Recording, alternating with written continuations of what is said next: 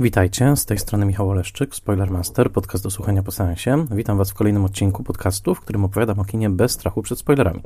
Zapraszam Was do posłuchania e, odcinka, jeżeli widzieliście już film, o którym mówię, ewentualnie jeżeli nie boicie się spoilerów. Spoilermaster jest podcastem w całości utrzymywanym przez patronki i patronów w serwisie patronite.pl. Serdecznie dziękuję za ich wsparcie. Zwłaszcza dziękuję patronom i patronkom imiennym Michałowi Hudolińskiemu ze strony Gotam w deszczu, Agnieszce Egeman, Odiemu Hendersonowi, Beacie Hołowni, Annie Jóźwiak, Tomaszowi Kopoczyńskiemu, Bartkowi Przybyszewskiemu, autorowi bloga Liczne Rany Kłute, na którym przeczytać można o kinie, komiksie, internecie i telewizji, Konradowi Słoce, Mateuszowi Stępniowi, Jerzemu Zawadzkiemu i Tomaszowi Mączce, autorom podcastu Let's Made Movies, prezentującego ciekawe analizy filmowe, blogowi Przygody Scenarzysty, prezentującego analizy scenariuszowe, Fundacji Wasowskich, dedykowanej ochronie spuścizny Jerzego Wasowskiego i wydającej książki Grzegorza Wasowskiego. Dziękuję im wszystkim. Spoilermaster jest i pozostanie podcastem darmowym w szerokim dostępie, którego misją jest szerzenie i popularyzacja wysokojakościowej wiedzy o kinie. Jeżeli zechcecie wesprzeć mnie w procesie przygotowania tego podcastu, który każdorazowo jest bardzo czasochłonny, bardzo to docenię. Jeżeli nie, słuchajcie z przyjemnością i dzielcie się odcinkami w swoich mediach społecznościowych. To także wielka pomoc. Dzisiaj odcinek wyjątkowy, e, odcinek, w którym nie będę mówił o jednym filmie i odcinek, w którym kluczowa będzie obecność mojego gościa. Ostatnio po odcinku, w którym gościem był Grzegorz Fortuna i w którym rozmawialiśmy o jego pracy doktorskiej poświęconej kulturze VHS w Polsce epoki transformacji, dostałem bardzo dobry feedback, informację zwrotną od Was. E, odcinek się podobał, wiele osób e, dopytywało o pracę doktorską Grzesia. Mówię, w tym momencie ona jeszcze nie jest wydana. E, mamy nadzieję, że wkrótce. I dało mi to do myślenia, dlatego że w Spoilermasterze zazwyczaj skupiam się na omawianiu poszczególnych filmów, ale przecież jest tak dużo interesujących książek filmoznawczych, książek, które przybliżają nam historię, teorię, technikę, estetykę kina. I co więcej, jest wiele książek, które nigdy nie ujrzały światła dziennego, ponieważ zakończyły swój żywot, przynajmniej w takim stanie zahibernowanym na razie, jako prace doktorskie, właśnie obronione, czy magisterskie, czy nawet licencjackie, obronione na rozmaitych uczelniach. I ta rozmowa z Grzesiem Fortuną dała mi taki pomysł, już wkrótce dam, powiem Wam więcej o pewnych zmianach, jeżeli chodzi o e, takie m, mm, kategoryzacje odcinków na Spoilermasterze, ale zdecydowanie dała mi pomysł taki, żeby od czasu do czasu spotykać się z ludźmi, którzy poświęcili parę lat życia, żeby zgłębić jakiś aspekt kinematografii i mogą się z nami tą wspaniałą wiedzą podzielić. I stąd także dzisiejszy odcinek. W dzisiejszym odcinku porozmawiamy o kinie panoramicznym, kinie szerokoekranowym, a naszym przewodnikiem będzie dr Iwo Sulka, który obronił pracę na ten właśnie temat w Krakowie na UJOcie na Wydziale Zarządzania Komunikacji Społecznej w roku 2016.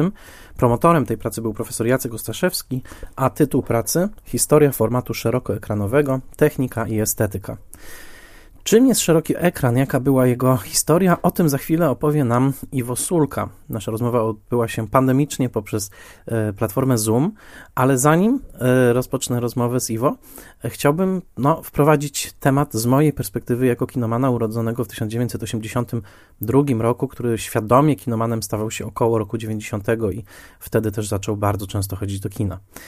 Coś, co dla osób urodzonych już nawet pod koniec lat 90. może się wydawać absolutną przeszłością, albo przynajmniej jakąś opowieścią muchu i paproci, ja chcę przywołać pewne wspomnienie, które na pewno u części moich słuchaczek i słuchaczy wywoła pewien dreszcz. Czy pamiętacie ten moment, kiedy siadaliśmy w sali kinowej, światła powoli przygasały i kurtynka zasłaniająca ekran odsuwała się? Zazwyczaj był to taki elektryczny suwak, operatorem był operator mm, e, projektora z salki projekcyjnej i trzeba było rozsunąć kotarkę.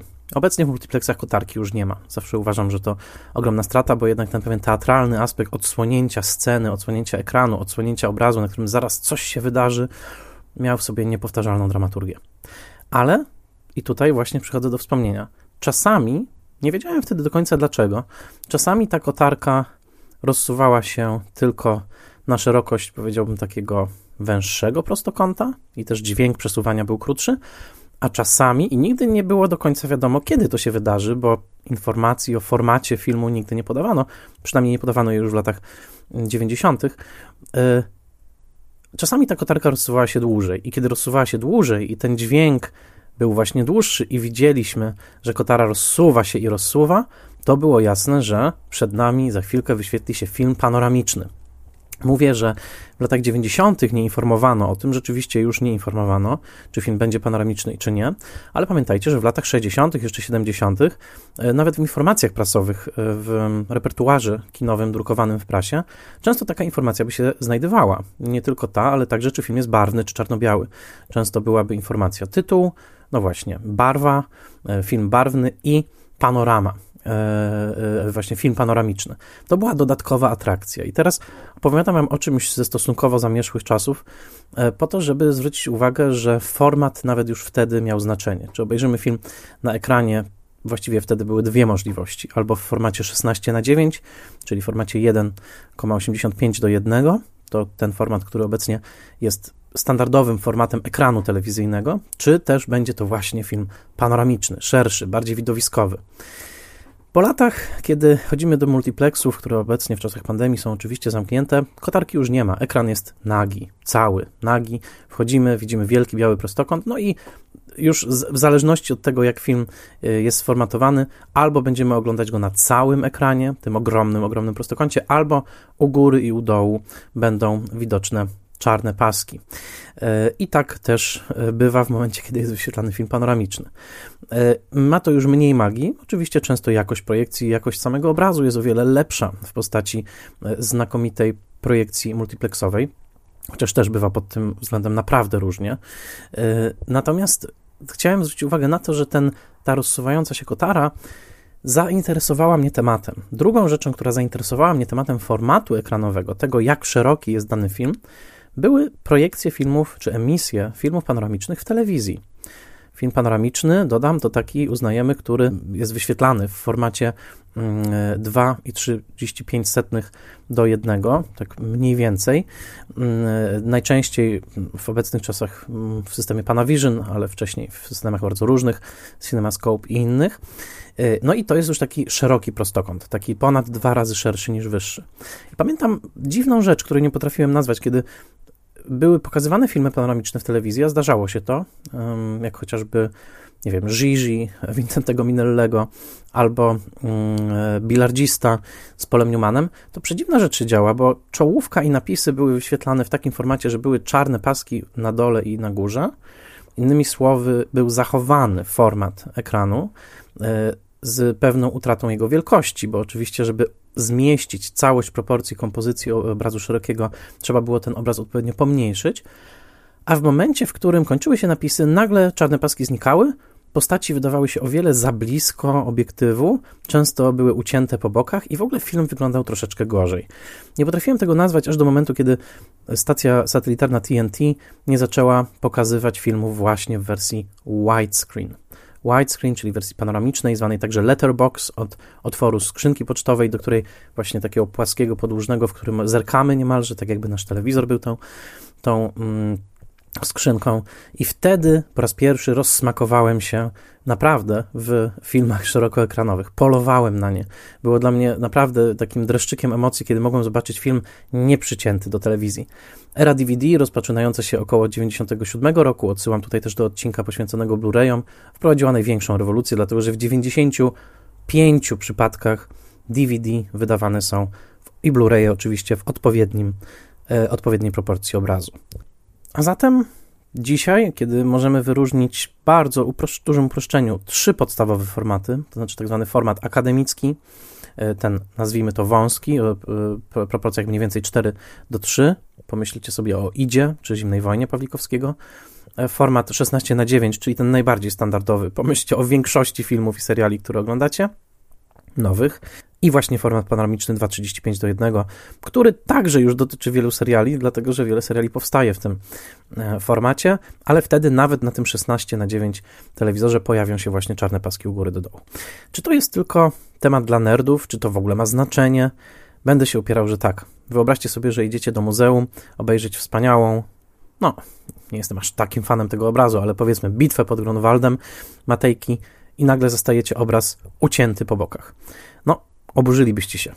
Pamiętacie, kiedy Jan Winnicki, bohater Alternatyw 4, w pewnym momencie, żeby dopasować ten obraz do swojego luksusowego, jak na tamte czasy, mieszkania wielopokojowego w bloku na Ursynowie, zagiął obraz Bitwa pod Grunwaldem, tak żeby dopasować go do kąta mieszkania. No, mniej więcej też można by przyrównać takie działanie, naruszanie formatu, naruszanie zamysłu artystycznego, kompozycji. Filmy, które były kręcone w panoramie, które są kręcone w panoramie, są komponowane tak, aby to płótno szerokie, tak jak wspomniałem, ponad dwa razy szersze niż wyższe, było no właśnie skomponowane zgodnie z zamysłem reżysera, operatora, oświetleniowca, scenografa, a zatem tak jak nie obcinamy obrazów, żeby weszły nam na ścianę, e, tak e, tylko znajdujemy dla nich większe pomieszczenie, tak żeby ściana była odpowiednio duża. E, tak samo w przypadku filmów panoramicznych nie powinniśmy ich obcinać, tylko no właśnie, dostosować ich rozmiar do wymiarów ekranu telewizyjnego, na którym je oglądamy. To jest moja pasja od lat. Bardzo zawsze się interesuję, w jakim formacie film jest wyświetlany. Dodam jeszcze jedną rzecz, że będąc w Nowym Jorku i studiując tam, yy, bardzo zanurzyłem się w kulturę mm, kinofilską nowojorską i tam oczywiście format jest fetyszem, dlatego że e, w, no oczywiście nie w czasie pandemii, ale kinofile nowojorscy, którzy czasami spędzają życie mm, krążąc między Museum of Modern Art, Film Forum, a innymi film, e, kinami wyświetlającymi stare filmy, absolutnie żądają, żeby w informacji programowej była informacja także z jakiej kopii jest wyświetlany film, czy to jest kopia 35 mm, czy 70 mm, czy właśnie, czy jest odrestaurowana, czy nie. No, absolutnie zaryzykuję twierdzenie, że gdyby wyświetlono film w złym formacie w nowojorskim kinie, to ta publiczność po prostu by wygwizdała ten film i wyszła.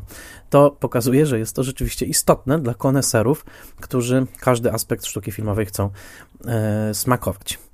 E, I nigdy nie zapomnę także seansów filmów panoramicznych, właśnie nowojorskich, ale także w warszawskim Iluzjonie, dlatego że w Iluzjonie nadal można oglądać także kopie e, panoramiczne. Nie zawsze w najlepszym stanie są te kopie, ale jednak można tak zobaczyć. Widziałem w ten sposób w Iluzjonie Garsoniera, Billy'ego Wildera, wspaniały film Kirka Douglasa pod tytułem Oddział, Posse, znakomity, zapomniany trochę western z lat 70., też właśnie w szerokim formacie. No a w Nowym Jorku oglądałem naprawdę sporo tych filmów i zawsze to była, powiem więcej niż przyjemność, to był rodzaj ekstazy, bo widzieć nienaruszony CinemaScope, tak jak on powinien być e, wyświetlony, to była po prostu czysta rozkosz. I tutaj takie filmy jak musical Bye Bye Birdie, czy kalifornijski poker Roberta Altmana, obejrzany w e, Film Society of Lincoln Center, czy projekcja Siedmiu Wspaniałych w tym samym miejscu. Za każdym razem była to po prostu przyjemność oglądania filmu szerokoekranowego z taśmy. No ale skąd się ta szeroka taśma wzięła? Jakie były jej losy?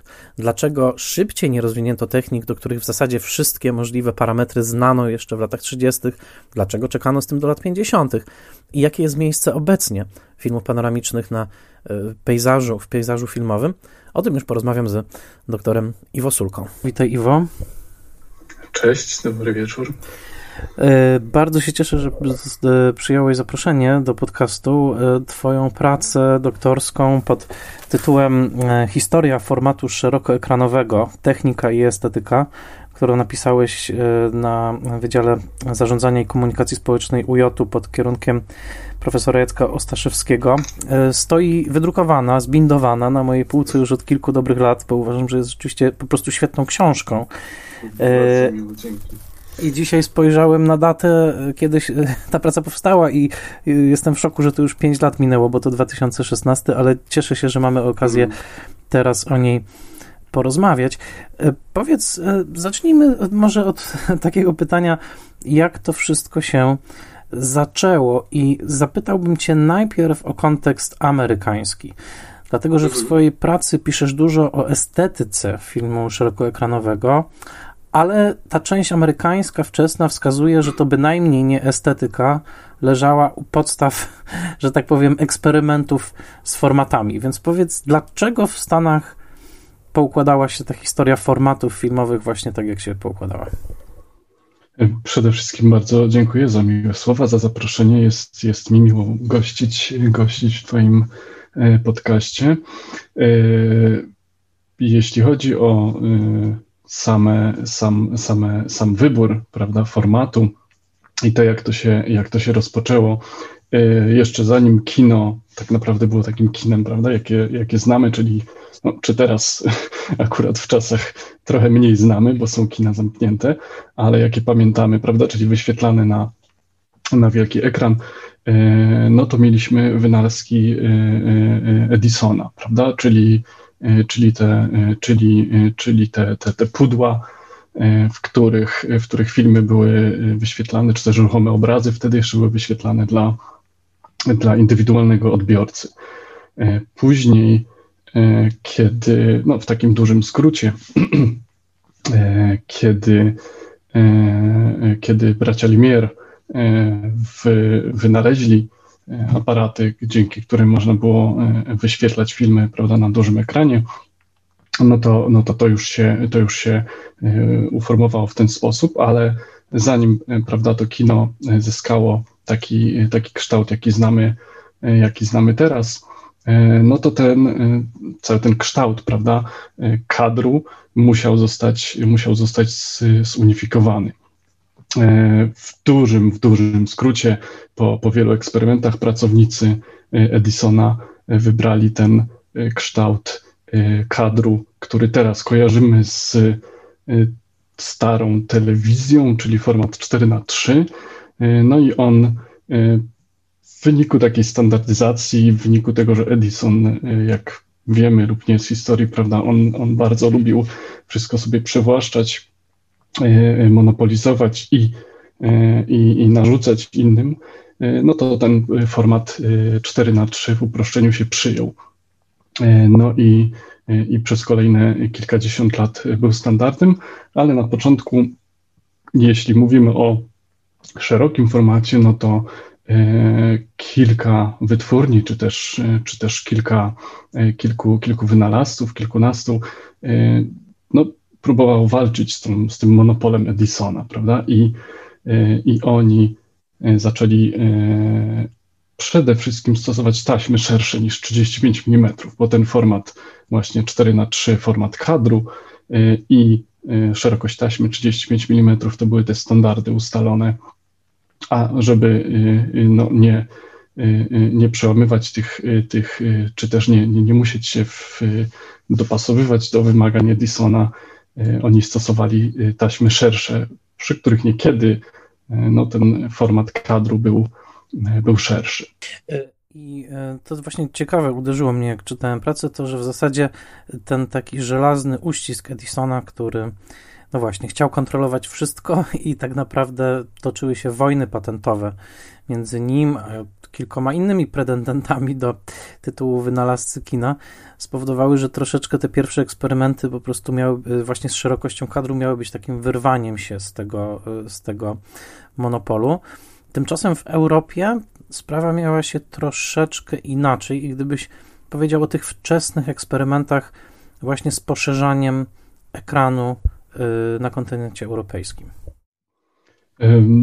No one pojawiły się troszkę później, już po tej e, takiej, takiej konsolidacji, standaryzacji e, właśnie tego, tego formatu, o której mówiłem. E, natomiast zaczęły się, y, nie były takie stricte techniczne, prawda, czy, czy, czy też mające na celu właśnie od, y, oddzielenie się od jakichś y, ustaleń technicznych i monopolu Edisona, mm, ale wyszły raczej z pobudek estetycznych. No, to są takie nazwiska, których, które mało kto dzisiaj pamięta, ale zaczęło się to tak naprawdę od włoskiego wynalazcy, bowiem e, no właśnie, właśnie wynalazcy, właśnie e, jacyś, jacyś tacy e, powiedzielibyśmy dzisiaj, powiedzielibyśmy, no, showmeni może trochę stali za, za, nowym, za, za tymi pomysłami z, z, z, szerokim formatem. I jednym z pierwszych był, był taki włoski wynalazca Filoteo Alberini, który, no, który właśnie, e, właśnie e, wymyślił bardzo skomplikowany system e, szerokoekranowy. On był wykorzystany chyba tylko raz do nakręcenia, do nakręcenia całego filmu.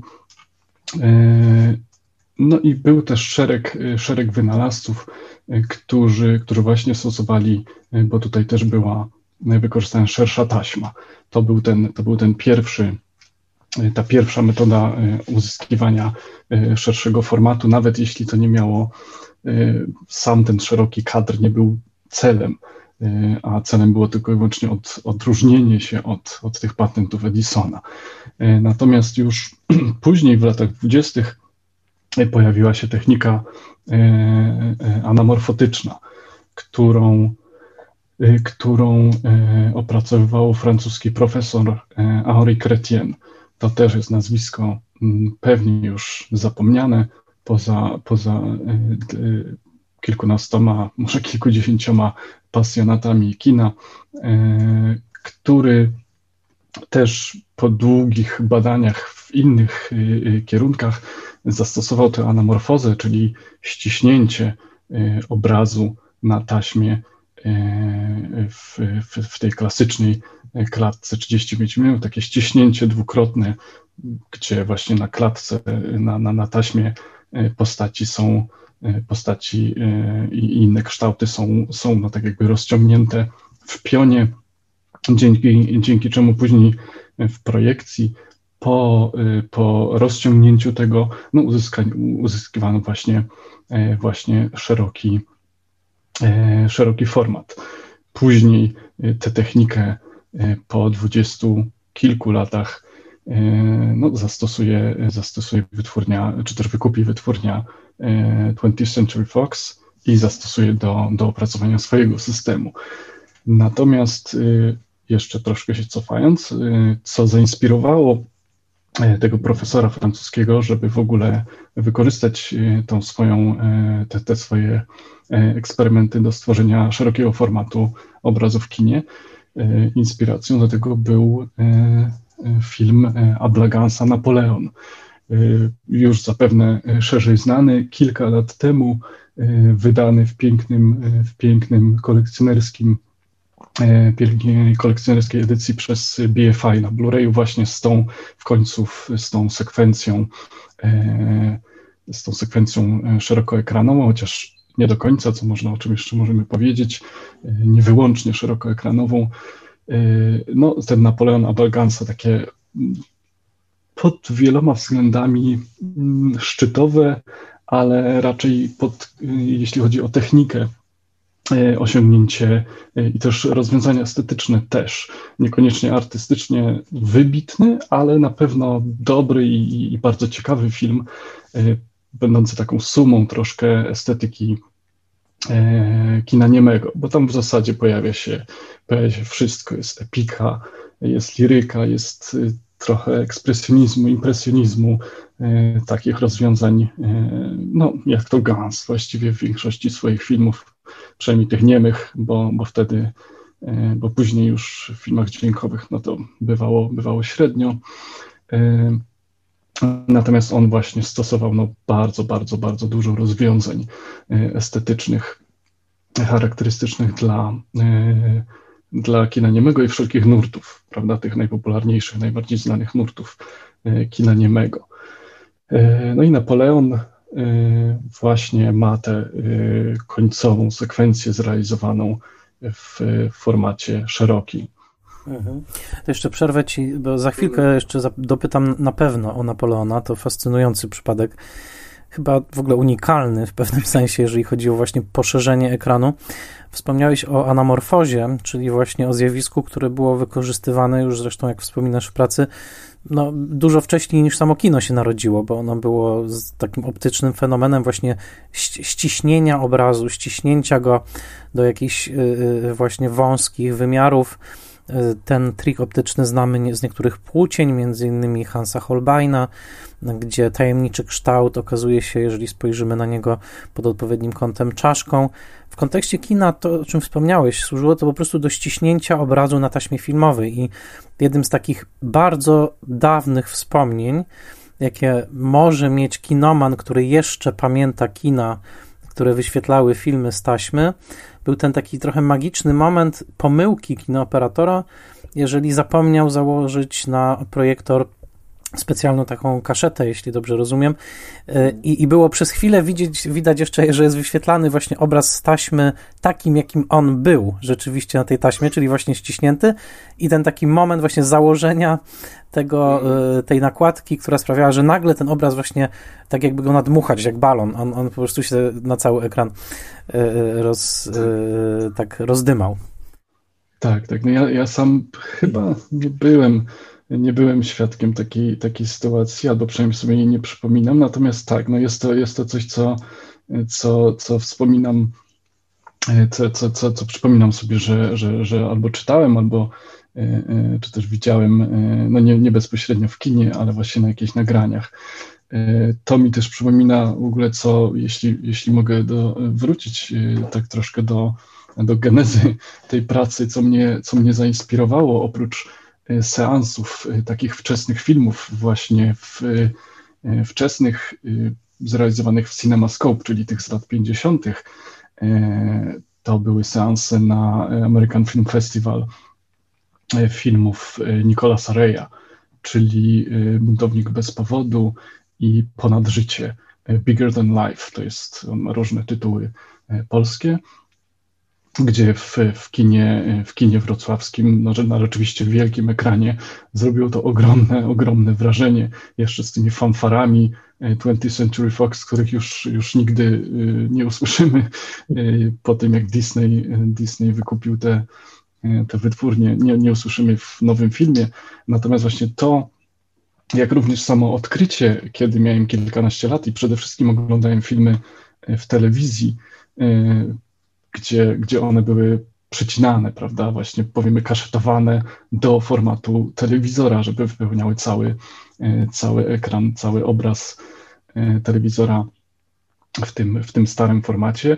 E, odkrycie, kiedy też zacząłem kupować DVD i tam filmy były w tych oryginalnych wymiarach. Odkrycie tego właśnie, że wow, oglądałem przez wiele lat filmy, które, które były jedną trzecią tych filmów tak naprawdę. Więc, więc to, jest, to była taka geneza i, i rzeczywiście to, to jest też coś, no niedokładnie nie to, o czym, o czym powiedziałeś, gdzie było to nadmuchiwanie obrazu, ale, ale mniej więcej e, e, no właśnie, właśnie też ta różnica ogromna, prawda, gdzie ten, e, gdy ten obraz się, się powiększa. No tak, powiem ci, że to są też moje wspomnienia. Dla mnie momentem odkrycia było, kiedy y, satelitarna jeszcze wtedy telewizja TNT pokazywała filmy, niektóre z biblioteki MGM właśnie w odpowiednim, e, e, w odpowiedniej proporcji. I, i, I, pamiętam, że wtedy, i nawet mieli taki króciutki spot, który wyjaśniał, dla, o czym to, dlaczego to tak jest. E, but now in widescreen you can see. I wtedy zrozumiałem, aha, no właśnie, czyli te filmy, które ja znałem, wyczuwałem czasami, że one dziwnie wyglądają, bo postaci były niecałe, gorzej to wyglądało. No i te tajemnicze dwa czarne paski, które znikały, tak, po, po napisach. Ale mm, wracając jeszcze na chwilkę do Napoleona, bo to taka rzeczywiście przełomowy, przełomowy film, tak jak wspomniałeś, świetnie wydany przez BFI niedawno. E, no właśnie, Abel Gans, rok 1927 i cała finałowa sekwencja kampanii włoskiej Napoleona, e, nakręcona w systemie szerokoekranowym, wyjątkowym, nazywającym się Polywizją. Czym był ten ultra szeroki, dodajmy, bardzo szeroki ekran w przypadku właśnie tego pomysłu Gansa? No, to były tak naprawdę trzy standardowe kadry y, połączone.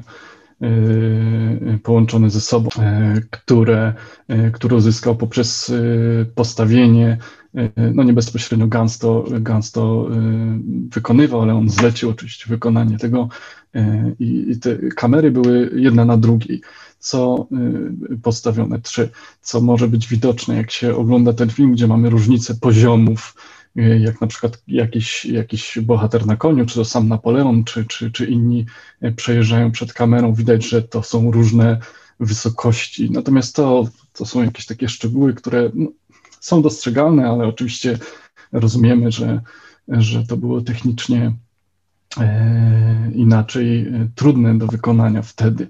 E, więc tak, to są, to są trzy tak naprawdę kadry 4 na 3 połączone ze sobą, czyli tworzące razem format no, prawie 4 do jednego, cztery razy szerszy niż, niż wyższy. I w, w przeważającej części, tak jak przypominam sobie teraz też patrząc na, na, te, na te kadry, w przeważającej części te trzy, te trzy właśnie części obrazu nie łączyły się. To nie była jednolita panorama. Natomiast w tych, w tych fragmentach, kiedy jest to jednolita panorama, pokazująca też ogrom armii Napoleona i, i takim czysto filmowym aspekcie ilość statystów, ilość, ilość aktorów, wykonawców, no to rzeczywiście robi, robi duże wrażenie. To jest takie, takie jedno z marzeń, pewnie wielu, nie tylko moje, żeby zobaczyć ten film na, na wielkim ekranie, czy też w trzech wielkich ekranach połączonych ze sobą.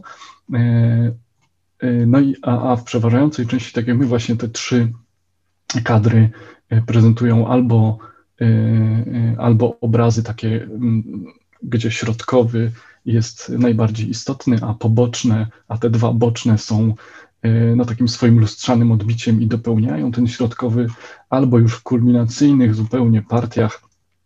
Także, co jest, co jest niezwykle efektowne, e, te trzy kadry e, są, są kolorowane, czy też mówiąc profesjonalnie, tintowane na kolory francuskiej flagi, prawda? Czyli środkowy pozostaje e, czarno-biały, a, a, e, a pozostałe są niebieski i czerwony, czyli mamy niebieski, biały e, i czerwony. I te obrazy są tam w tych trzech kadrach są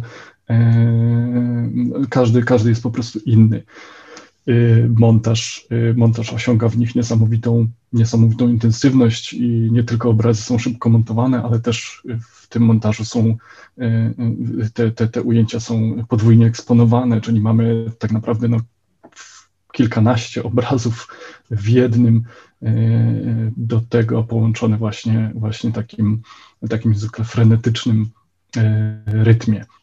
Więc robi, robi to ogromne, ogromne wrażenie.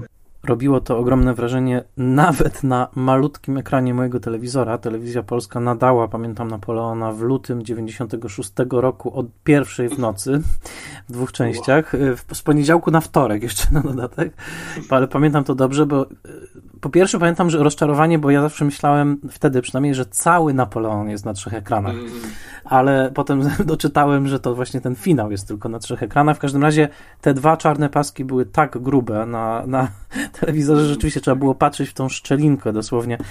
Natomiast tam jest bardzo ciekawa rzecz, bo o ile to samo rozbudowanie kadru po bokach i stworzenie wielkiej panoramy, to jest jedna rzecz, którą robi Gans, ale tak jak wspomniałeś, w pewnym momencie różne obrazy są na każdym z trzech ekranów, więc mamy do czynienia tak naprawdę z czymś rodzajem audiowizualnej instalacji, gdzie te znaczenia się zderzają, dopełniają, rytmy ze sobą jakoś wchodzą w, w rozmowę, no to jest taki, taki wideoklip w pewnym sensie, po prostu tak, bardzo tak. intensywny, bardzo intensywny. Bardzo, bardzo. Ciekaw jestem, bo czytałem, że ma być, e, tak jeśli, jeśli można dopowiedzieć, że ten film trwa w tej wersji najnowszej, dostępnej 5,5 godziny, więc jest długie oczekiwanie na tą sekwencję, która trwa kilkanaście minut, chociaż Chyba warto, wydaje mi się. Natomiast y, czytałem ostatnio, że przygotowywana jest jeszcze nowsza wersja, mm. tym razem na rynek amerykański, bo tutaj BFI, prawda, czyli to jest brytyjskie,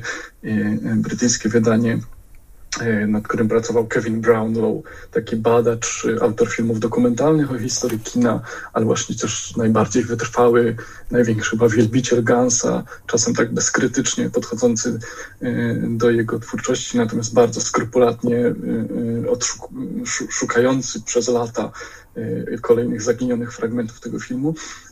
No w każdym razie przygotowana jest jeszcze kolejna wersja, nie wiem czy jeszcze dłuższa, będzie trwała więcej, dłużej niż te 5,5 godziny, natomiast chyba nie zaoferuje wiele, jeśli chodzi o samą tę sekwencję mhm. szeroką, chyba że nas zaskoczy, więc tym bardziej może warto czekać. No domyślam się, że i ty i ja zakupimy tę wersję jako fani właśnie Gansa i szerokiego ekranu.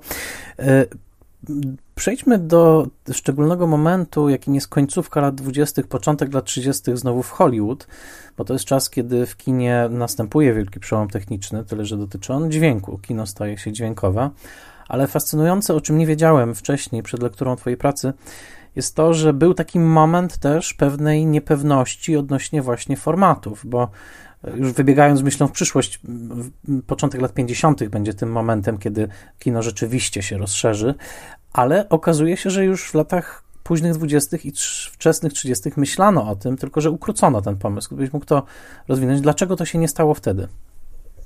Tak, no to jest też, też jak mm, też było to dla mnie duże odkrycie te, te, te kilka, czy też kilkanaście lat temu, kiedy o tym, o tym czytałem, bo zupełnie jest to, jest to przyćmione, było to przyćmione przez przełom dźwiękowy, a przełom dźwiękowy przyczynił się niejako do tego, że studia amerykańskie to znów, e, tak jak później, że taką pętlę czasową tutaj, tutaj wprowadzę, tak jak później 20th e, Century Fox, tutaj też wytwórnia Fox e, stała, stała za tym wszystkim, ale od początku wprowadzenie dźwięku, zwłaszcza przede wszystkim tego rejestrowanego na taśmie filmowej, nie na osobnych płytach gramofonowych, tak jak y, było to w pierwszych filmach dźwiękowych z śpiewakiem jazzbandu, począwszy od, od śpiewaka jazzbandu. Później właśnie wytwórnia Fox mm, stosowała system zapisu dźwięku na taśmie, gdzie pasek, no to są takie szczegóły techniczne, pasek z dźwiękiem sprawił, że obraz stał się węższy, że kadr filmowy stał się węższy, co spotkało się ze sprzeciwem e, widzów, e, kinooperatorów, właścicieli kin, którzy przywracali ten e, właściwy format po to, żeby wypełnić całe swoje, całe swoje ekrany kinowe, przycinając niekiedy no, nawet głowy, głowy postaci co skłoniło mm, w dużym, e, tak w dużym skrócie, no właśnie wytwórnie do e, poszukiwania e, no, jakichś alternatyw, żeby ten obraz też dodatkowo powiększany, ten obraz powiększany jeszcze tracił na jakości, prawda? Uświadommy sobie, że on był jeszcze mniejszy i powiększa, trzeba było go powiększyć jeszcze bardziej, więc ta ziarnistość taśmy filmowej E, stawała się coraz bardziej wyraźna. E, no i wtedy właśnie to były lata tuż, tuż, po, tuż po przełomie dźwiękowym, tuż po wprowadzeniu tego, tych systemów optycznego zapisu dźwięku, czyli lata 29-30 właśnie, no, zaczęto szukać jakichś alternatyw. No i właśnie przypomniano sobie niejako o tym, że na początku, w początkach kina, jeszcze zanim, e, jeszcze kiedy kino właśnie było e, nazywane ruchomymi obrazami, e, często stosowano szeroką taśmę. Taśma celuloidowa była właśnie produkowana w takich płachtach z braku lepszego słowa teraz, które miały szerokość 70 mm. I to była ta szerokość wybrana przez wytwórnię Fox, żeby stworzyć e, system e, szerokoekranowy nazwany Grandeur, no, w którym, jak możemy sobie, jak możemy sobie wyobrazić, no, jakość obrazu była o wiele, o wiele lepsza, przez to, że, przez to, że ta taśma była szersza, klatka była, klatka była o wiele, o wiele większa. E, więc e, tak, wprowadzenie, e, wprowadzenie dźwięku no właśnie spowodowało te próby z, z poszerzeniem obrazu, z zastosowaniem wielkiej, większej, większej, większego formatu taśmy. Powstało wtedy, no, to tak w, w, w, dużym skrócie oczywiście wytwórnie, wytwórnia Fox stworzyła ten system, inne wytwórnie e, nie chciały się dostosować, bo oni również chcieli zmonopolizować e, ten rynek rynek y, szerokiej taśmy i narzucić innym wykorzystanie swojego formatu. Inne studia nie chciały się do tego dostosować, wymyślały czy też no, odświeżały stare systemy w innych szerokościach taśmy 65, 63 mm. No to są, to są, to są takie takie, takie bardzo, bardzo szczegółowe tam, szczegółowe konflikty, które, które no zupełnie, zupełnie przedziwne przybierały, przybierały okoliczności. Jednocześnie jednocześnie e, inżynierowie, e, operatorzy i Akademia Filmowa, e, którą, którą znamy przede wszystkim z przyznawania prawda, nagród, czyli Oscarów, ale zajmująca się też, jak jej nazwa oryginalna wskazuje, Academy of Arts and Science, czyli właśnie tą, tym aspektem naukowym, aspektem technicznym, równocześnie pracowały nad innymi formatami, więc tam różne czynniki, różne strony działały i żeby, żeby ten e, e, żeby, żeby znaleźć, jakiś, znaleźć jakiś kompromis, żeby e, te wytwórnie, tak jak przy wyborze systemu dźwiękowego, który prawda, został w końcu ujednolicony na ten system zapisu na, na taśmie, żeby właśnie wybór szerokości taśmy, tego wyboru też, też dokonano raz a, raz a porządnie. Mhm to się, to się nie udało. E, kiedy powstały, kiedy miały premierę filmy e, zrealizowane w, tym, e, w tych formatach, w tych systemach, powstało ich wtedy, jeśli dobrze pamiętam, dokładnie 11, to tak naprawdę sprawa była już zamknięta.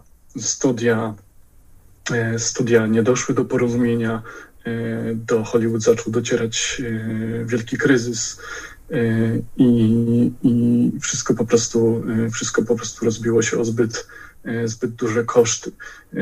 Do tego te filmy poniosły też klaty finansowe po prostu i nie zainteresowały widzów tym, tym nowym, tym, tą, tą nowinką techniczną, jaką był, jaką był poszerzony, poszerzony obraz, bo no, zapotrzebowanie na tę nowinkę wypełnił, wypełnił dźwięk te, te dwa e, lata i rok, rok wcześniej. Prawda? To była ta nowinka, e, która też e, nie była potrzebą estetyczną, prawda, tylko wynikiem, wynikiem no, jakiegoś takiego nacisku ze strony, ze strony firm, które, firm, które opracowały ten system dźwiękowy i narzuciły narzuciły wytwórniom filmowym jego, y, jego wykorzystanie. Więc taka kolejna nowinka w ciągu, w ciągu tych kilku lat nie wzbudziła zainteresowania widzów. Filmy zrealizowane w tych formatach nie wzbudziły zainteresowania widzów. No i, i w końcu w roku 1932 y, Akademia Filmowa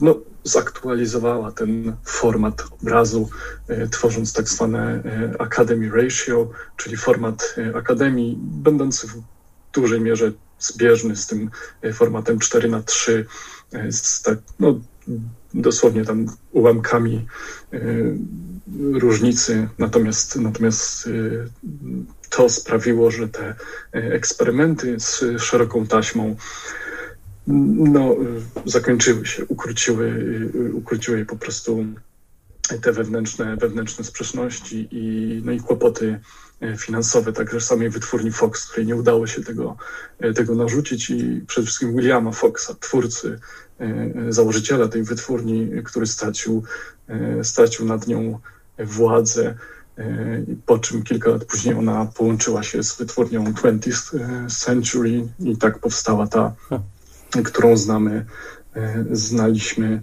przez, przez wiele lat. Tak, i bardzo też istotna rzecz, do której warto pamiętać, i ty pamiętasz o niej w pracy, to jest to, że mm, w latach 30. i wcześniej też y, powstawały tak zwane pałace filmowe, to znaczy ogromne kina w, Stanach Zjednoczonych, które rzeczywiście miały gigantyczne ekrany i, i trzeba, kto, kto, kto, kto będzie w Stanach będzie miał okazję, a niektóre z nich są zachowane, chociaż wiele z nich wyburzono. Warto się wybrać, dlatego że rzeczywiście skala jest porażająca. To znaczy, nawet duży multiplexowy ekran obecnie w Polsce w jakiejś sieciówce naprawdę no, nie dorasta często do piętej skali na, kilku, na kilka tysięcy osób w ogromnej pałacowej, bardzo bogato, albo przynajmniej udającej bogactwo dekoracji. I, i tutaj rzeczywiście, no, no te filmy takie spektakularne wtedy kręcone były też wyświetlane no, po prostu w trochę innych warunkach niż myślimy w ogóle o starych filmach, bo my myślimy, no mały telewizorek gdzieś tam w tle. To były filmy, które potrafiły się naprawdę rozlewać na ogromnym, ogromnym ekranie. To też jest ważny kontekst tego, o czym ty, tak, o czym ty tak, piszesz. Tak, tak. No właśnie. E, pamiątką na szczęście to jest, to jest też niesamowity, e, niesamowity niesamowicie istotny i, i, i są to e, są to ewenementy, takie skarby z historii kina, nawet jeśli nie artystycznie doniosłe, to dwa filmy, które się z tamtego okresu zachowały. Jeden taki mniejszy, mniej udany, czyli film pod tytułem e, e, The Bad Whispers, który no, ja przetłumaczyłem jako Szept Nietoperza. No, taka pośrednia produkcja oparta na sztuce teatralnej, mm, która, która no, właśnie powiela takie, takie konwencje inscenizacyjne, teatralne w dużej mierze. To jest, to jest film e, z roku 30, a z tego samego roku no, e, na drugim biegunie właśnie największa produkcja, produkcja wytwórni e, Fox Corporation, która no, miała wypromować ten, ten system na taśmie 70 mm, czyli Droga Olbrzymów, tak ten film jest w Polsce najczęściej tłumaczony, The Big Trail, czyli tak naprawdę po prostu wielki szlak. E, film e, przede wszystkim e, pamiętany dzisiaj przez to, że to pierwsza główna rola Johna Wayne'a. Wtedy kompletnie młodego, niedoświadczonego i co widać, on tej roli te, nie, nie do końca sobie w tej roli poradził. Natomiast aż, aż żal, że, że nie stał się wtedy gwiazdą, no bo jego prezencja była wtedy rzeczywiście niesamowita. E, później, kiedy stał się gwiazdą w latach e, no, 40., po się, prawda, 39, e, więc lata 40-50, no już, już nie był tak, że tak powiem, tak, tak świeżo wyglądający. Natomiast tak, ten film pamiętany jest właśnie z, ze względu na jego główną rolę. Nie jest to też wybitny film, natomiast właśnie no jest niesamowity pod, pod, pod względem wykorzystania i pod względem e, no, w dużej mierze takich eksperymentalnych, eksperymentalnego wypracowania konwencji e, też filmów szerokoekranowych. Jest to western, jak jeśli się jeszcze ktoś nie domyślił, w którym no właśnie te, te, te niesamowite krajobrazy i, i pojedynki, no może nie aż, nie aż tak E, nie aż tak częste, ale właśnie, e, ale właśnie przede wszystkim, przede wszystkim krajobrazy, obrazy e, karawan ciągnących, no bo jest to film o osadnikach zmierzających na zachód, no rzeczywiście robią, robią ogromne wrażenie. Film też jest wydany na, na nośnikach, na nośnikach optycznych, więc, więc nie wiem, czy gdziekolwiek indziej jest dostępny, ale rzeczywiście polecam, zwłaszcza właśnie w tej wersji E, szerokoekranowej. E, I te dwa filmy też e, są ciekawe pod tym względem, że akurat właśnie te dwa się zachowały, bowiem później, kiedy szeroki ekran, szeroki format już wejdzie do użytku, to są takie dwie początkowe ścieżki. Filmy trochę nawiązujące do konwencji teatralnych, zrealizowane w zamkniętych przestrzeniach z jednej strony, a z drugiej epickie, z rozmachem, właśnie realizowane w, albo w w wielkich dekoracjach albo, albo w plenerach e, filmy, co w latach 50. będzie też właśnie e, no, domeną na początku. Mhm. No właśnie, zbliżamy się do tego magicznego momentu. Dodam jeszcze, że przynajmniej z tego, co sprawdzałem, Bad Whispers, czyli Szept Nietoperza, są dostępne na YouTubie. Można je tam obejrzeć w wersji całkiem ładnie zachowującej ten szeroki format, więc polecamy słuchaczom. A mm, no właśnie, zbliżamy się do magicznego momentu, bo tak naprawdę taka podstawowa wiedza, którą gdzieś tam dawno temu jeszcze zdobyłem, to jest taka, że historia szerokiego ekranu, panoramicznego w tym formacie 2,35 do 1 to jest rok 53. Zaczyna się ta historia wraz z premierą filmu The Robe, Szata i w tym samym że tak powiem, oczy świata po raz pierwszy są zwrócone na system CinemaScope, ale nie był to jedyny system w tym czasie. Bardzo interesującym jest też Cinerama, o który zaraz Cię zapytam, ale powiedz, nie, nie omówimy wszystkich tych formatów, można wymieniać VistaVision, Todd.io i tak dalej, ale co to jest za moment? Właśnie koniec lat 40. i początek lat 50. Dlaczego wtedy to ruszyło? To, co nie mogło ruszyć w latach 30., czyli poszerzenie ekranu filmowego. Tak, y, no, ruszyło to dlatego, że właśnie y, y, nastąpiły takie odpowiednie okoliczności socjokulturowe, niekoniecznie właśnie techniczne, bo to jest, to jest przede wszystkim ten aspekt, który jest najbardziej według mnie fascynujący, to, że wszystkie te techniki były gotowe już wcześniej tak naprawdę, tylko potrzeba było odpowiedniego momentu, odpowiedniego jakiegoś impulsu, potrzeby tak naprawdę zewnętrznej, żeby Hollywood tak naprawdę było zdeterminowane. No bo nie oszukujmy się, że, że, że, że to tam e, wszystko się zgrało w kinie amerykańskim, które już wtedy, no, jeśli nie dominowało, no to zaczynało tą swoją dominację nad, nad jako, jako to centrum filmowego świata. Po prostu potrzebne były odpowiednie okoliczności. Te okoliczności nastąpiły po II wojnie światowej. E, kiedy po początkowym wzroście, niesamowitym wzroście e, liczby widzów, tuż po wojnie, kiedy, e, kiedy żołnierze wracali do Stanów, kiedy wreszcie było więcej czasu wolnego, więcej pieniędzy, raz z oszczędności, dwa też właśnie, że, że no, no właśnie, właśnie powracający z wojny ludzie E, żołnierze mieli, mieli ten czas, mieli te pieniądze do, do wykorzystania. Nastąpił taki chwilowy szczyt e, oglądalności w amerykańskich kinach. To są jakieś e, zupełnie niesamowite liczby z dzisiejszej perspektywy, czyli 100 milionów widzów tygodniowo w, w, w, w kinach. Po takim rocznym szczycie te liczby widzów, ta liczba widzów zaczęła, zaczęła gwałtownie spadać. Nie będę się tutaj wdawał jakieś e, w te, w te szczegóły, ale ona rzeczywiście spadała z roku na rok e, coraz bardziej, a wiązało się to e, no, z takimi przemianami kulturowymi, czyli z jednej strony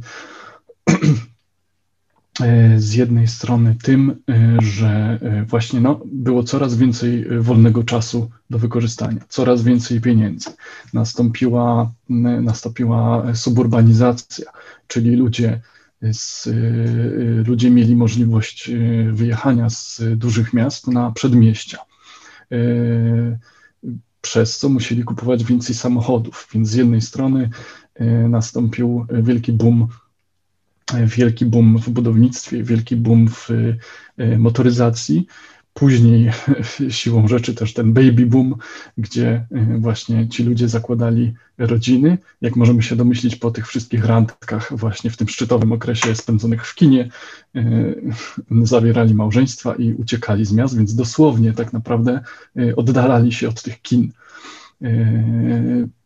Nastąpiła też, nastąpił też rozwój takich rozrywek aktywnych aktywności fizycznej, wycieczek samochodowych, e, wszelkie jakieś parki rozrywki, parki krajobrazowe e, e, miały, miały wtedy szczyt, szczyt swojej popularności. Za tym, że ludzie mieli więcej czasu, z tym wiązało się też, wiązała się też coraz większa popularność telewizji. Często mówi się o takiej prostej relacji, że ludzie oglądali telewizję, coraz więcej telewizji, więc nie chodzili do kina. To jest dużo bardziej e, skomplikowane. Oczywiście tak, telewizja stawała się coraz bardziej popularna, e, ale, ale ta popularność wiązała się właśnie z tym, że no ludzie, ludzie wyjeżdżali e, z dużych miast i, i wpływy z filmów kinowych no właśnie spadały, więc wytwórnie sięgnęły po takie techniki, e, wytwórnie filmowe sięgnęły po takie techniki, które e, no, zakładali, e, pozwolą odtworzyć tą, ten model partycypacyjny w, w właśnie takiej rozrywki, w której można uczestniczyć aktywnie, bowiem wszelkie te popularne były właśnie też sporty i inne, i inne aktywności na zewnątrz, a nie te takie bardziej bierne i statyczne, które były popularne w latach 30., w latach wielkiego kryzysu i, i podczas wojny, gdzie też, no, gdzie też możliwości finansowe ludzi były ograniczone.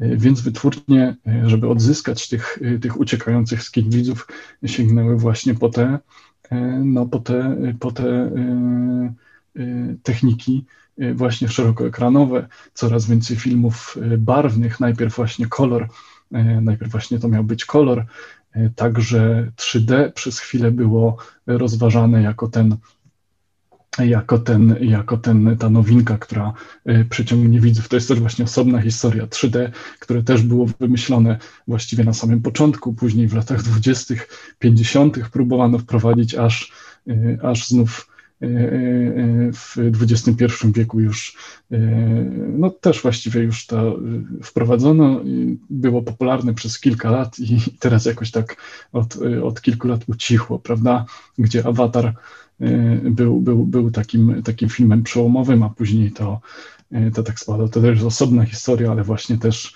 y, na podobnej zasadzie się rozwijająca jak, jak szeroki, szeroki ekran. Ale wracając do tego, no właśnie wytwórnie sięgnęły po, ten, po te techniki szerokoekranowe. Z jednej strony właśnie wracając do anamorfozy, i ten system się przyjął najlepiej. I tu znów wytwórnia 20th Century Fox wykupiła ten, e, ten wynalazek e, profesora Kretiena, który jeszcze żył, pomógł im go no, opracować, na początku odświeżyć. No i, i, i tak naprawdę to się, to, się, to się udało. Wcześniej jeszcze, żeby to, żeby to doszło, do skutku, no to musiał się pojawić jakiś film, jakaś produkcja, y, która y, no, nada temu wszystkiemu rozpędu. I to właśnie był film zrealizowany w systemie Cinerama. Też technicznie dosyć skomplikowanym, ale w dużym skrócie łączącym obrazy z trzech, z trzech różnych, różnych taśm. I ten film, This is Cinerama, z roku 52 osiągnął no, ogromny, ogromny sukces, sukces kasowy. E, mimo że wyświetlany był tylko w kilku, kilkunastu kinach, później coraz, coraz więcej oczywiście dostosowywano, bo tam był też ogromny taki e, ekran, który był wygięty, e, wygięty w łuk, który otaczał niemalże no przynajmniej pierwsze kilkanaście rzędów kina dostosowanego otaczał też, też z boku widzów, także wypełniał ich całe pole E, pole e, wzrokowe. E, no i sukces tego filmu właśnie przyczynił się do, do tego, że później studia filmowe z Foxem na czele zaczęły stosować te systemy szerokoekranowe. Cinerama nie była, nie była zbyt praktyczna do kręcenia filmów fabularnych. Powstały w tej klasycznej Cineramie właśnie kręconej na trzech E, taśmach taką specjalną kamerą z trzema obiektywami. Powstały tylko dwa filmy, e, ale to później, w latach 60. dopiero. E, natomiast właśnie system CinemaScope oparty na anamorfozie no, był, był zupełnie, był, był, był, był dużo bardziej praktyczny z punktu widzenia produkcyjnego, dystrybucyjnego, bo wykorzystywał tę samą taśmę 35 mm, która była stosowana od, od początku. No, Cinerama to oddzielny, rzeczywiście fascynujący rozdział. Dodajmy, że firma Flickr Ali od paru lat wydaje Blu-raye mm, z filmami cineramowymi. Oczywiście oglądanie filmu z cineramy w domu, nawet na najlepszym telewizorze, to jest oczywiście to nie jest to. Y, nawet specjalne zagięcie pasków górnych i bocznych ma udawać to zagięcie cynarowe, ale muszę powiedzieć, ja, one są kosztowne, te Blu-ray, ja chyba mam dwa czy trzy kupiłem z tych filmów.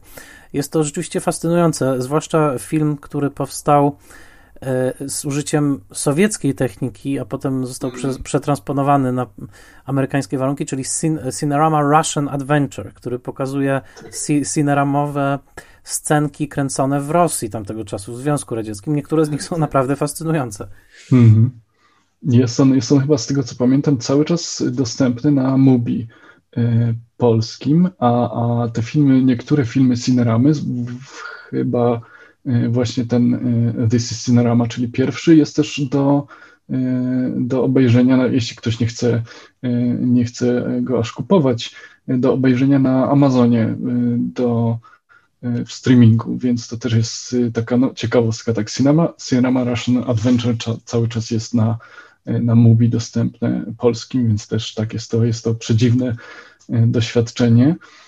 E, taka, no taka ciekawostka rzeczywiście. Taka krajoznawcza trochę, trochę propagandowa, no jest to bardzo ciekawe. W każdym razie to polecam bardzo, ale te, dojdźmy do sedna sprawy, właściwie do takiego pod wieloma względami złotej ery e, właśnie CinemaScope, czyli tego systemu anamorficznego, o którym powiedziałeś, rok 1953 wchodzi Szata, The Rope. I w pewnym sensie, i to też wyczuwam w Twojej pracy, zresztą poświęcasz cały rozdział temu, najbardziej fascynuje Cię właśnie tworzenie się tej estetyki kina szerokoekranowego w tym czasie, bo rzeczywiście wtedy powstaje tych filmów już wiele e, i, i zaczynają być dokonywane wybory estetyczne. I czy bardzo się pomylę, jeżeli wskażę, że chyba dla ciebie mistrzem takim wczesnym komponowania szerokiego ekranu, szerokiego kadru, chyba jest najbardziej Nicolas Ray, prawda? Tak, wydaje mi się, że tak. Na pewno, na pewno, na pewno on osiągał, osiągał najbardziej ciekawe rezultaty.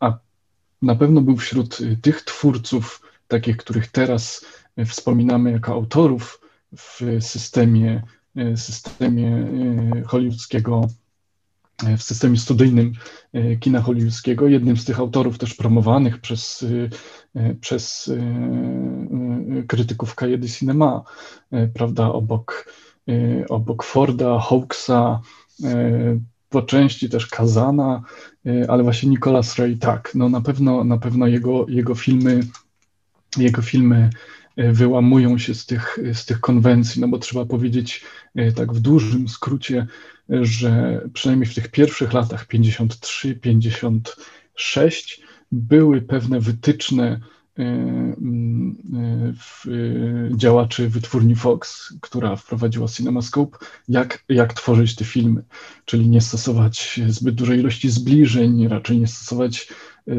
przesadnie montażu, no zupełnie z punktu widzenia y, y, jakby pracy reżysera, operatora, montażysty, no takie absurdalne wytyczne narzucone przez tylko, tylko i wyłącznie ze względu na jakieś niedoskonałości techniczne. I była właśnie garstka twórców, którzy zupełnie się tym, się tym nie przejmowali.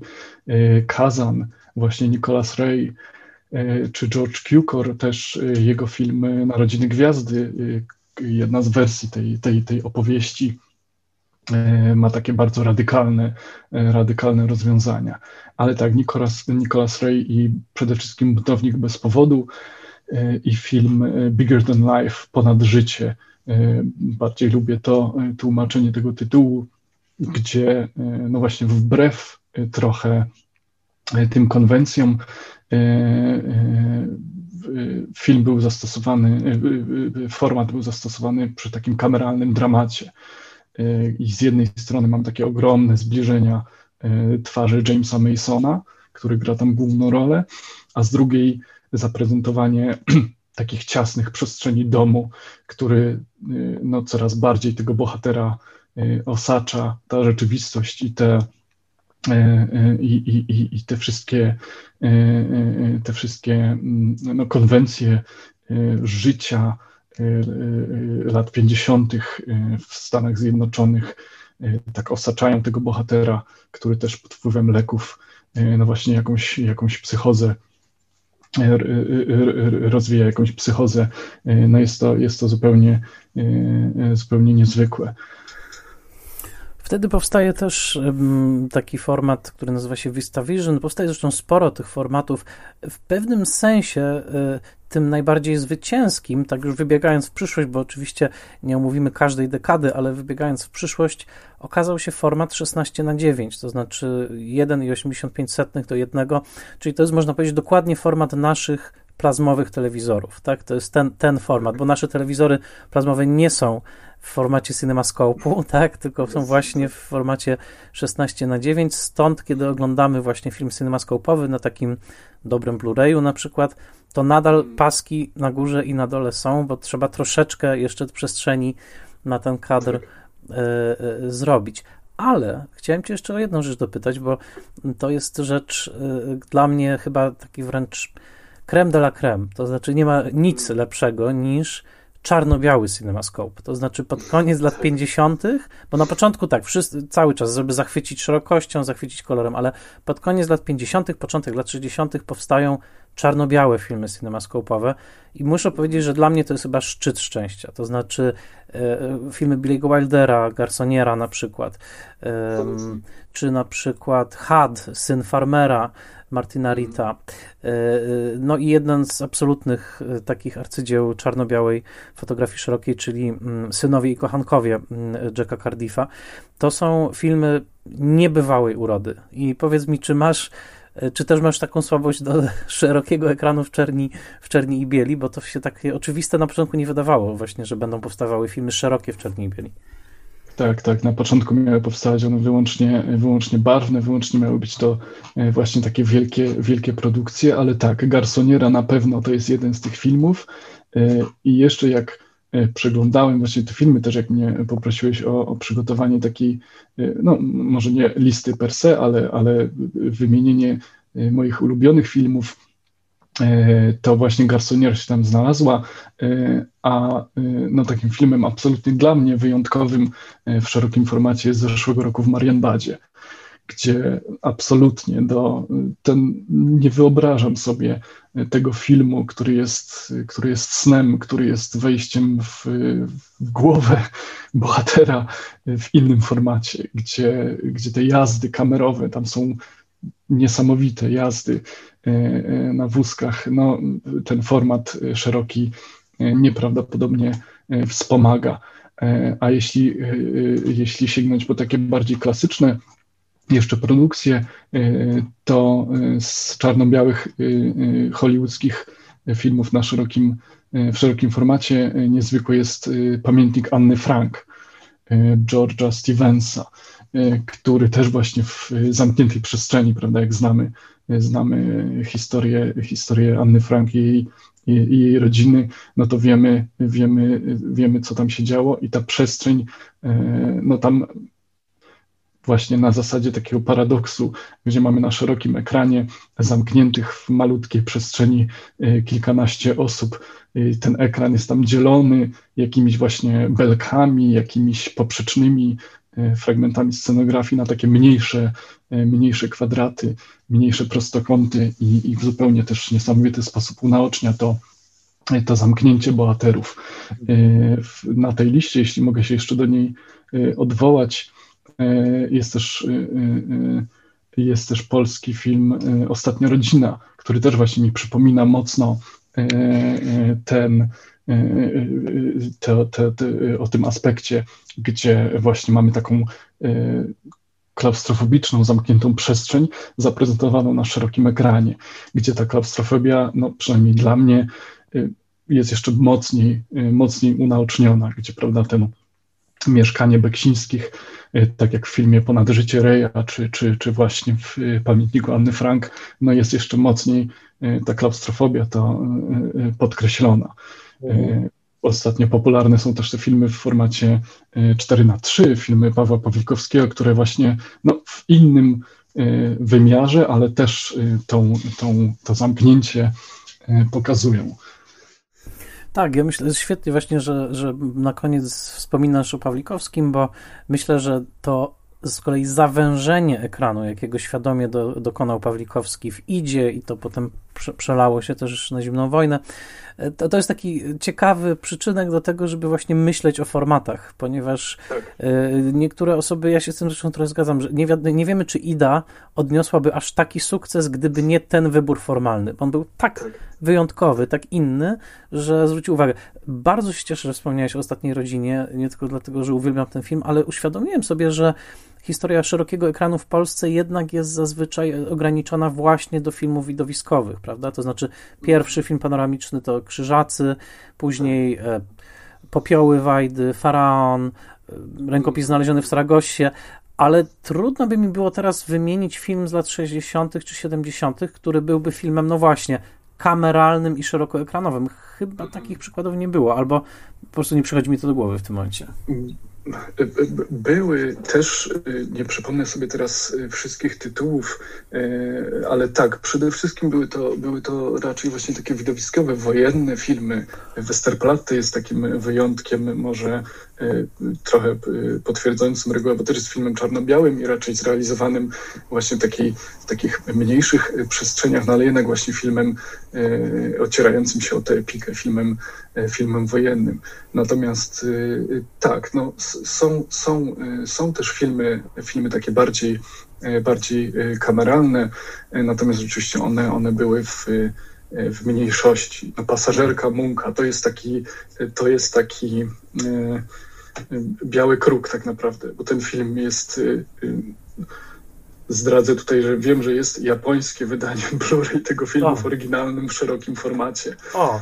A to jest w Polsce, jeśli ten film gdzieś jest y, dostępny, to jest zamknięty w, w jakichś, jakichś skarbcach. Ale to, tak. no to też, prawda, nie jest, nie jest taki kameralny film per se, prawda? Świetnie, że o tym wspomniałeś. To jest w ogóle jakiś ogromny powinien być wyrzut sumienia polskiego kina, że pasażerka nie jest w ogóle u nas wydana na, na żadnym dobrym nośniku. Ja mam brytyjski DVD, który i tak nie jest najlepsze, ale jest, jest wydane przez Second Run. Natomiast, y, no właśnie, tak zmierzając do końca, mówiło się przez pewien czas, tak były, to, to o czym ty mówisz, te, te dogmaty, tak, że no, szeroki ekran to nie powinno być za dużo cięć. Szeroki ekran to raczej nie dla komedii, to bardziej właśnie. Tymczasem są, nawet Stanisław Bareja pracował na szerokim ekranie w małżeństwie w rozsądku, chociażby e, Giuseppe w Warszawie, też polska komedia Lenartowicza jest na szerokim ekranie, więc te, te dogmaty raczej padły. Ja, ja ci zadam prowokacyjne pytanie na koniec, odchodząc od twojej znakomitej pracy, ale po prostu wracając do Twojego oblicza jako kinomana. E, po co nam, czy, czy, czy, widzowie jeszcze myślą o tym, czy film jest na w szerokim ekranie, czy nie jest, czy to czują tylko, czy, czy tylko dla takich wariatów, którzy jeżdżą na festiwal do Krnowa, dodajmy, jest festiwal e, e taśmy 70 mm, gdzie z kolei celebruje się ten 70 mm format, prawda? Czy to jest tylko nisza niszy, a może jest inaczej? Powiedz, jak, jak patrzysz na to z dzisiejszej perspektywy kina? Hmm, wydaje mi się, że, że jest to, y, zwłaszcza jeśli powiążemy to z, z taśmą, to, czego wielkim promotorem, y, wielkimi promotorami są Christopher Nolan i Quentin Tarantino, żeby kręcić na taśmie i kręcą swoje filmy. Y, no Nolan właściwie już wyłącznie na tej taśmie szerokiej, 70 mm. Tarantino miał, prawda, to, ten wielki swój wybuch Y, entuzjazmu, wybuch sprzeciwu, jakim była nienawistna ósemka, y, czyli film nakręcony w tym ultra szerokim y, formacie, właśnie Ultra Panavision 70, który no miałem szczęście właśnie w, w wspomnianym przez ciebie Krnowie widzieć w tym, w tym oryginalnym formacie. Tak, jest to, jest to nisza, na którą nie zawsze się zwraca uwagę. Spotykałem się z głosami, że no jak to, ale po co, po co takie szerokie na przykład monitory komputerów? Przecież nie ma takich szerokich filmów. Y, ktoś, ktoś mi mówił, bo, no bo rzeczywiście jest to coś, na co niekoniecznie wciąż się e, zwraca uwagę. Natomiast wracając jeszcze do, do Pawlikowskiego, zwraca się uwagę, jeśli ten ekran jest, jest węższy, prawda? Y, co, co kojarzy się ze starym kinem, y, które pewnie nie jest, y, nie jest aż tak często teraz oglądane. Nie chcę jakiejś takiej generalizacji pokoleniowych tutaj robić, oczywiście to jest bez sensu. Natomiast właśnie kiedy ten ekran jest węższy, albo kiedy mamy jakieś eksperymenty, jak w Grand Budapest Hotel Wesa Andersona, gdzie mamy kilka formatów imitujących, czy też, czy też współgrających z epokami, w których rozgrywają się poszczególne warstwy czasowe opowieści, no to, no to zwraca się na to uwagę. Ostatnio nie wiem, czy, czy, e, czy uczestniczyłeś w tej debacie w wielkiej, wielkiej e, e, rozgłos wywołało to, że Zack Snyder swoją wersję Ligi Sprawiedliwości zrealizował w formacie 4 na 3 właśnie. i wszyscy byli zaskoczeni. No ale jak to? Dlaczego czarne pasy po bokach? I wciąż y, o tych czarnych pasach, o których też wspominałeś, wciąż jest takie y, czasami przeświadczenie, że one coś zasłaniają. Po co mi to? Ja chcę mieć, y, chcę cały, mieć obraz. cały obraz. Natomiast te pasy nie, nic nie zasłaniają, tylko właśnie umożliwiają pokazanie pełnego formatu. Inna sprawa, osobną dyskusją jest kompletny bezsens tego, co Zack Snyder wymyślił, żeby to był format 4 na 3 Y, mający imitować IMAX, a film jest dostępny wyłącznie w streamingu. Y, no ale to jest, to jest osobna, osobna dyskusja, więc y, tak, no nie, nie jest to rzeczywiście coś, na co się zwraca uwagę tak na, na co dzień, że tak powiem. Dopiero kiedy mamy jakiś wyłom w tej normie, prawda, to, bo szeroki ekran w filmach widowiskowych jest, jest jakąś normą.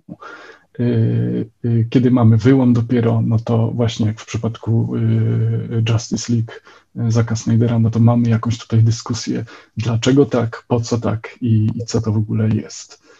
Tak, ja dodam jeszcze na koniec, że są też reżyserzy, którzy niemal perwersyjnie upierają się przy węższym ekranie. To, takich należy Spielberg, który oczywiście zrobił filmy panoramiczne, ale jednak takie filmy jak Imperium Słońca, czy nawet lista Schindlera, filmy bardzo widowiskowe, aż się prosiły o to, żeby być na szerokim ekranie. Jurassic Park nie są, tak? Mhm. E, to, tak to jest też taki przypadek. A z kolei historia kina chyba nie przewidziała tego, co się wydarzyła obecnie na Instagramach i TikTokach, że powstał jeszcze nowszy format, który jest dwa razy wyższy niż szerszy, tak? To znaczy myślę o pionowym formacie, w którym chyba jeszcze ktoś dopiero musi zrealizować arcydzieło. Mam na myśli po prostu format postawionego smart, smartfona, który tak, e, tak filmuje. Mhm.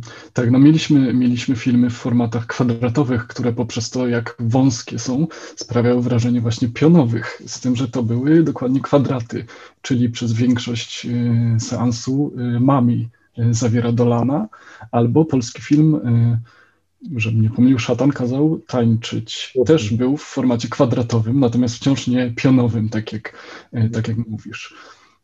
Tak, ja sobie też zrobiłem tutaj taką małą, małe, małą listę twórców, którzy nigdy nie zrealizowali filmu na szerokim, w szerokim formacie i na przykład Orson Welles, wyobraźmy sobie, gdyby, gdyby, gdyby się zdecydował, natomiast nigdy, nigdy tego nie zrobił. Ciekawym, ciekawym przypadkiem jest Eric Romer, francuski twórca, który właśnie jako jeszcze krytyk, krytyk Cahiers Cinema był wielkim admiratorem cinemascope'u, natomiast sam konsekwentnie przez te ileś tam 60 lat swojej, swojej działalności twórczej trzymał się formatu 4 na 3 bardzo, bardzo uparcie i to był jego ukochany, ukochany format, więc tak mamy no rzeczywiście twórców, którzy, którzy, którzy no, trzymają się tych, tych swoich e, rozwiązań. No, bardzo, bardzo Ci dziękuję. E, otwierają się w mojej głowie kolejne klapki, ale pozwólmy słuchaczom w takim razie już odkrywać ten świat. E, wydaje się to czysto nerdowska rozmowa, ale wydaje mi się, że ona po prostu dotyka kwestii estetyki kina, to znaczy kompozycji obrazu, bo na to jesteśmy wrażliwi, prawda? Absolutnie, tak, tak. Jest to, jest to coś, jest to coś niezwykle niezwykle istotnego i na początku e, właśnie, właśnie te kwestie też, też bardzo mocno e, bardzo mocno e, rozważano, zanim to wszystko uległo jakiejś standardyzacji. Bardzo dziękuję. Iwo Sulka był moim gościem. Rozmawialiśmy o szerokim ekranie i o jego rozmaitych wcieleniach. Bardzo Ci dziękuję za ten poświęcony czas. Bardzo, bardzo serdecznie dziękuję. Raz jeszcze dziękuję mojemu znakomitemu gościowi. Mm, mam nadzieję, że temat Was zainteresował. Zwracajcie uwagę na formaty, patrzcie na pudełka Blu-rayowe, na pudełka DVD, a nawet jeżeli już nie posługujecie się tymi nośnikami, to zwracajcie uwagę akurat na streamingach, które mamy mm, HBO Go czy Netflix no i w ogóle we większości telewizji mm, szanuje się e, format, to, to trzeba powiedzieć. Nie we wszystkich, zawsze szokuje mnie, e, dlaczego niektóre stacje wciąż tego nie robią, ale powiedzmy, że nadawcy premium już bardzo te formaty szanują, mm, a wy także, czy to w kinie domowym, czy y, na telewizorze plazmowym, czy na komputerze, starajcie się dociec, jakiego, mm, jaki był oryginalny format filmu, bo to czasami naprowadzi was na to, że oglądacie wersję delikatnie okaleczoną. Czy nie należy jej oglądać? Absolutnie nie. To znaczy, ja połowę historii kina poznałem w ten sposób w wersji okaleczonej, ale też podkreślam, nie miałem wyboru. Wtedy nie było wyboru. Dzisiaj mamy wybór, możemy poszukać.